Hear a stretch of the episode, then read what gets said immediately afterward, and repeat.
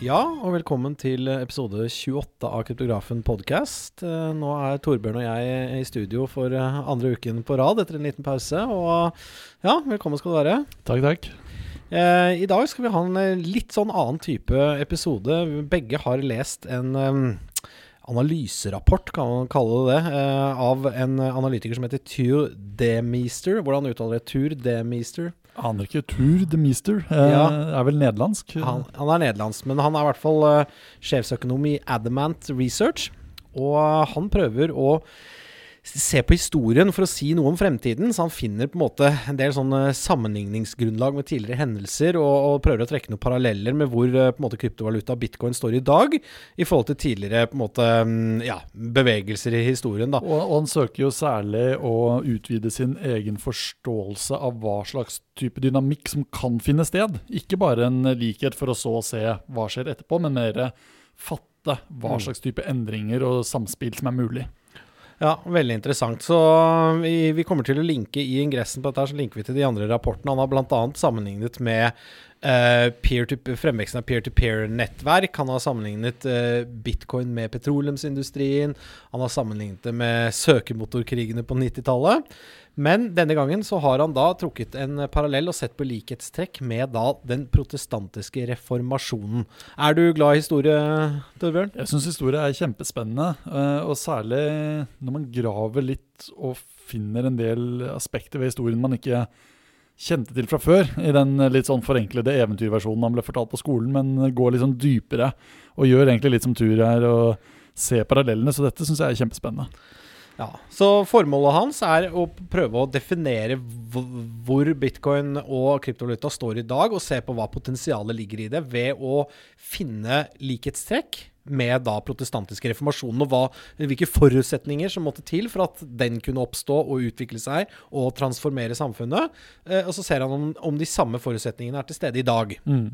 Og han søker jo denne sammenligningen, eller han, eh, fordi en del av de tidligere han hadde gjort, så følte at han ikke fikk eh, helt grep over i hvilken grad vi egentlig står overfor et paradigmeskifte her. Altså et dyptgripende samfunnsskift. Eh, reformasjonen endret Europa totalt, eh, og egentlig eh, som konsekvens verden.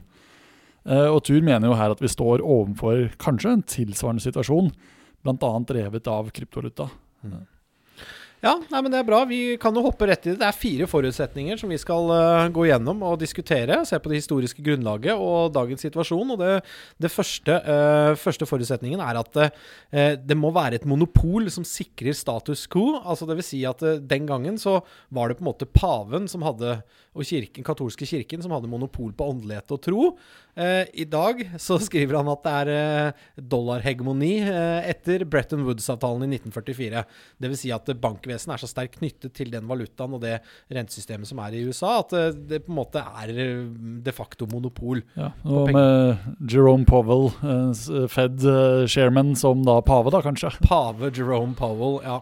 Nei, men det er, det er Ja, det er jo kanskje litt søkt, men det er jo likhetstrekk. Det er, altså, om, det er ikke ett selskap som har monopol i dag på penger, men hvordan det er organisert og regelverket. For reglene er ganske like rundt omkring i verden på Fiat-penger. Så det kan være et monopol. Det er ikke, det er ikke så veldig stor åpenhet egentlig for å, for å altså, ja, gjøre det annerledes. Nei, og veldig mye av monopolet kommer jo av at vi har, eh, spesielt når penger har blitt eh, digitalt, men også i forkant av det, et system som er basert på kredittpenger. Da må du ha fordringer på hverandre, og da må du ha et system for utnetting. Og det systemet er bygd opp rundt dollaren som det endelige stedet for endelig oppgjør og endelig utnetting, som gjør at dollaren og USA har makt over hele finanssystemet pga. at de har den sentrale plassen. Kryptovaluta som utfordrer her, er jo ikke en kredittpenge. Eh, Den kan du sende som en fysisk vare, men over internett. Så du får ikke den sentraliserte makten. Så her er det tydelige paralleller. Samtidig som det er jo kanskje å strekke det litt. Ja. Nei, ok, men eh, det, fall, eh, det er i hvert fall en situasjon som du prøver å endre med, med monopollignende tilstander, og det, det er i hvert fall et likhetstrekk, da. Så over på forutsetning nummer to, da. Teknologiske katalysatorer for endring. Og på 1600-tallet så kom jo boktrykkerkunsten. Det gjorde at det skrevne ord ble spredd eh, i større grad til massene. Um, dobbelt bokføring ble innført, timeglasset, kompasset. Alt dette førte til sterk økonomisk vekst. Men hva er det vi ser i dag som du mener som liksom på en måte bygger opp under eh, at kryptovaluta kan spre seg raskt over hele verden? Altså Det er jo særlig det at internett er så utbredt som det er. Eh, vi har nå den kanskje første heldigitale generasjonen i det som så populært kalles millennials. Som i hvert fall etter alle mulige slags spørreundersøkelser viser seg å være ganske fleksible i hva de er villige til å bruke. De tar det raskeste og beste appen som de får i hendene. Jeg personlig er litt sånn skeptisk til det begrepet, men det er noe i det. Så du har en eh, internett som har eh, omnipresence. Du har kryptografi, som har gått fra å være noe bare Pentagon drev med, til noe som plutselig hvermannsen driver med. Så du har en situasjon der liksom bøker var noe de lærde drev med, eh, og så kunne hvem som helst trykke. Det å være hemmelig, snakke sikkert, uh, få beskyttelse av kryptografi, det var noe stater og statsmakten kunne gjøre. Nå kan du og jeg bruke krypterte meldingstjenester, sende krypterte penger. Den demokratiseringen uh, og mobiliteten som kryptovaluta åpner opp for, har en del paralleller da, mm. til det man fikk med disse gjennombruddene med kompass og bedre båter, f.eks.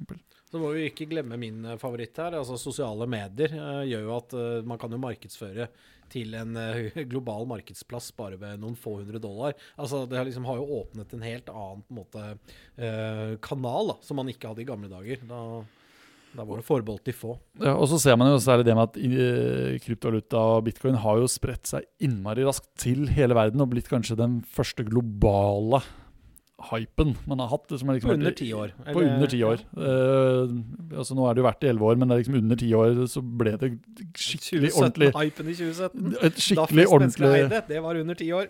ikke sant? ja, men det er bra.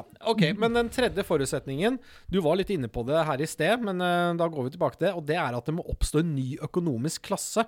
Og på 1600-tallet så kom det en, eh, en ny eh, middelklasse bestående av kjøpmenn, jurister, håndverkere og spesialister og sånn, som fikk sin egen økonomi som ikke var knyttet til jordbruket. For jordbruket var igjen eh, knyttet til store landherrer og kirken. Sånn at de, de, de oppsto middelklassen som en egen makt. Men i dag, da, der vi har eh, en enorm middelklasse og ganske stor velstand, eh, så er det en ny teknologisk klasse som har kommet. Altså millennials og de, de, unge, da, som på en måte bruker teknologi, internett, og har en annen, um, en annen mye lavere terskel til å ta i bruk nye ting, rett og slett. Det, det er den ene klassen. Men den andre klassen, sånn jeg ser det, da, det er jo disse selskapene eh, som er blitt ganske rike og ganske store på å tilby kryptovaluta tjenester. Fordi du har denne etterspørselen fra sluttbrukere, så har du nå helt nye selskap, om du tar Binance og Coinbase, som blir verdt milliarder. Det blir eh, sånne enhjørningsselskap som raskt har blitt eh, verdt mye. Og etter hvert så kan dette her, hvis det fortsetter, bli en så stor gruppe av ny næringsaktivitet at det kan eh, begynne å lobbe eh, effektivt og endre det politiske systemet på den måten. Ja, det, det er jo sånn hele toppsjiktet. Men på en annen måte, dette har jeg tenkt på mange ganger òg, er at eh, hvor, hvor, stort er kryptomarkedet nå på coin-markedet? Det er 250 milliarder dollar. Og det er egentlig primært privatpersoner ja. sin verdi som står der. Fordi det er ikke så mange institusjoner som ennå eier eh, coins eller tokens eller eh, bitcoin. sånn at det, det vil også si at det har kommet opp en ny, uh, ny type klasse med private småkapitalister, da, eller hva man kaller kalle det. Altså, møtt... eiere av det, som kanskje kommer fra teknisk bakgrunn, ikke um, business-skole, da, f.eks. Mm. Du kommer fra, fra ingeniørskole isteden, så det er også en ny klasse. Og så har du jo særlig den globaliseringsbiten jeg syns er kjempespennende. Uh, vi f.eks. bruker av og til frilansere i arbeidet vårt. Og noen av de ønsker å bli betalt i bitcoin fordi de sitter geografisk så langt unna, om det er at de sitter i et afrikansk land eller i Sør-Amerika eller hvor det er. Eh, og det å gjøre småbetalinger til disse hadde vært helt umulig med det etablerte. Monopolmakten eh, ville nektet oss, eh, mens med kryptovaluta så står vi fri til å kunne ta del i den nye økonomien som vokser fram. Ja, det er helt riktig. Vi diskuterte jo senest i dag stykkprisbetaling av artikler og research, og hvordan man kunne gjøre det med en enkel valuta over landegrensene. Og det er jo helt klart at uh, bitcoin og lightning-nettverket skiller seg jo positivt ut. Mm. i denne scenen. Så når du produserer innhold som influenser eller blogger eller skribent eller uh, musiker for et globalt publikum, Eh, men eh, det etablerte systemet bare lar deg ta betalt fra lokale aktører, eller kanskje via et veldig fordyrende mellomledd, hvis du er stor nok til at de har lyst til å satse på deg. Og du på den andre siden har muligheten til å kunne ta betalt fra hvem som helst i verden ved å bare akseptere bitcoin eller en kryptovaluta inn. Ja, da blir det fort det siste. eh, Og da får du en helt ny gruppe med aktører som eh, før ikke kunne ha inntekt til å dekke det de ønsket å jobbe med, men nå kan det, og blir da den nye klassen. Ja, det var, det var mange klasser, rett og slett. Um, ok. Um, den fjerde forutsetningen som uh, Tur de, de uh, har sett på, det er at rebellene trenger en forsvarsmur. Og um, på 1600-tallet så var det teknologiske nyvinninger som gjorde det enklere å gjemme bort og holde informasjon hemmelig. Eh, de bygget raskere eh, murer og s- fort, og av byggteknikk Altså de, de tingene vi ser i dag, alt fra Akershus festning til eh, byene nedover i Europa, de, eh, de ble bygd på den tiden med moderne byggverker. Eller Ja. mange av de som står i dag, da mange av de andre er forsvunnet. forsvunnet. Men det gjorde at bysamfunn kunne forsvare seg mot da uh, f.eks. Uh, spanske, katolske militære som skulle ta over alt mulig, for dette oppstod jo i Tyskland og Nederland på den tiden. Sånn at det, man trengte et forsvarsverk som gjorde at man kunne snakke høylytt Mm. og snakke imot makta. Det var det jeg skulle frem til. Men hva har vi i dag? Eh, hva er det han ser på nå? Det er gjennom desentralisering og sikkerhetsforanstaltninger som kryptering, 2FA og private nøkler, så har vi jo satt opp en brannmur. Eller er det andre ting Ja, folk som er vårt forsvarsverk? Ja, jeg tror nok mye av det forsvarsverket eller, er at man kan være anonym. Eh, Satoshi Nakamoto eh, kunne være helt anonym, men allikevel spre ideen sin eh, og dermed bidra til å endre verden. Uten at man måtte vite hvem han var, og uten at myndigheter kunne slå ned på akkurat han. For de fleste av oss er det vanskelig uh, å holde oss anonyme på nett, uh, hvis myndighetene virkelig vil ta oss. Men uh, fordi det er viktigst for, så er det mulig å dele koden sin, skrive kode, endre verden. litt sånn cypherpunk-etos over det.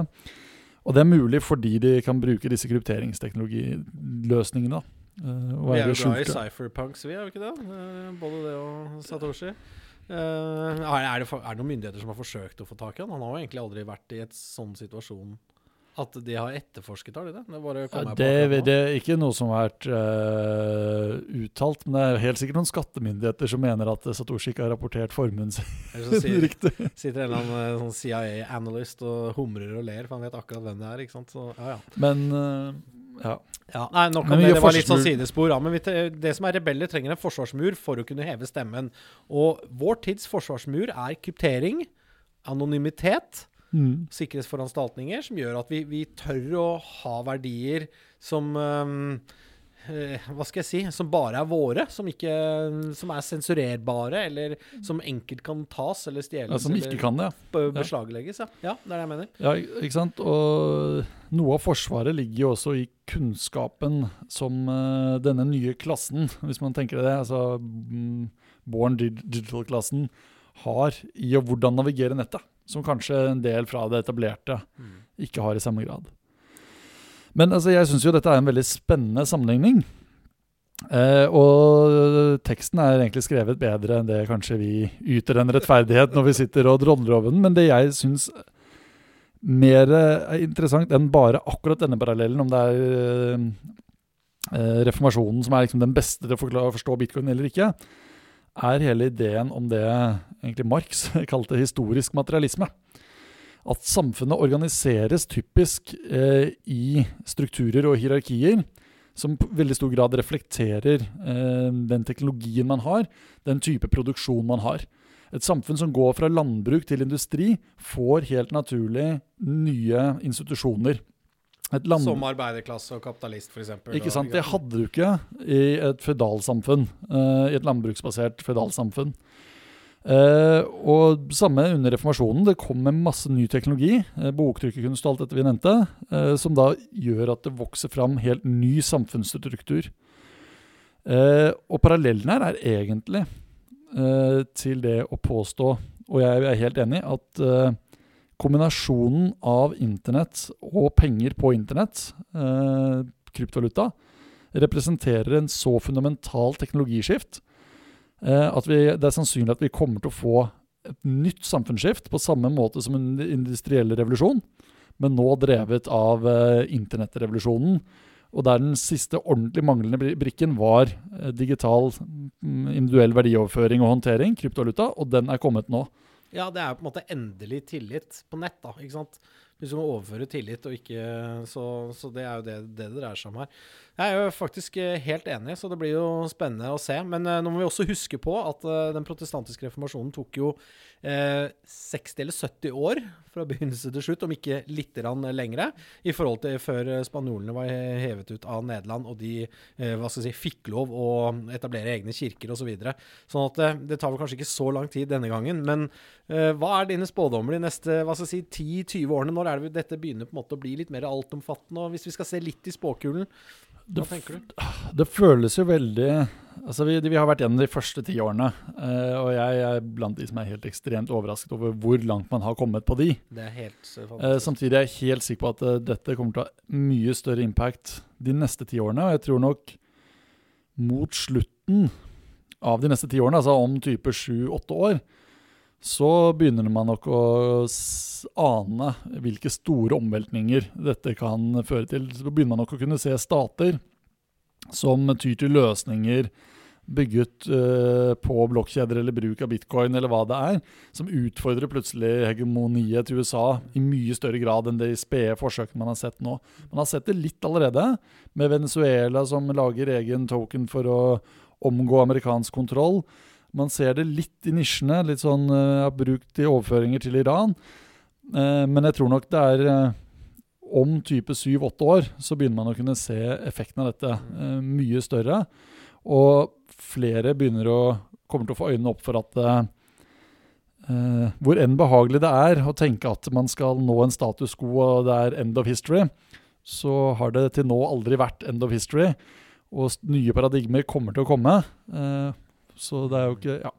Ja, nei, jeg sier meg egentlig litt enig i det. Altså, og uh, Verst går det kanskje utover de selskapene som sover i timen. Jeg tenker litt sånn større banker og spare fondsselskaper og de som på en måte ikke uh, tar til seg den nye teknologien. Da, når uh, på en måte de store massene begynner å skifte litt allokering eller begynner å, oppføre seg på en annen måte. Og du trenger ikke at alle gjør det, du trenger bare at en liten vekstmarginal gjør det for at de eksisterende forretningsmodellene ikke gjelder lenger. Mm. Så, så det blir spennende å følge med. Så, men det var egentlig uh, Bare ta en kjapp liten uh, oppsummering. Um, eh, altså Sammenligning mellom reformasjonen og bitcoin som står i dag, det er at eh, de begge slåss mot et monopol. Man trenger klare teknologiske katalysatorer. Eh, det må komme en ny økonomisk klasse, og rebellene trenger et forsvar. Og jeg syns at alle fire stemte ganske bra, jeg. Eh, Ja. Si meg enig i det. Ja, men det er fint. Dere når oss på post.kryptografen.no. Husk å uh, ikke nøl ved å komme med innspill eller spørsmål. Og sjekk inn på kryptografen.no.com uh, og alle våre sosiale mediekontoer. Takk for denne gang. Takk, takk.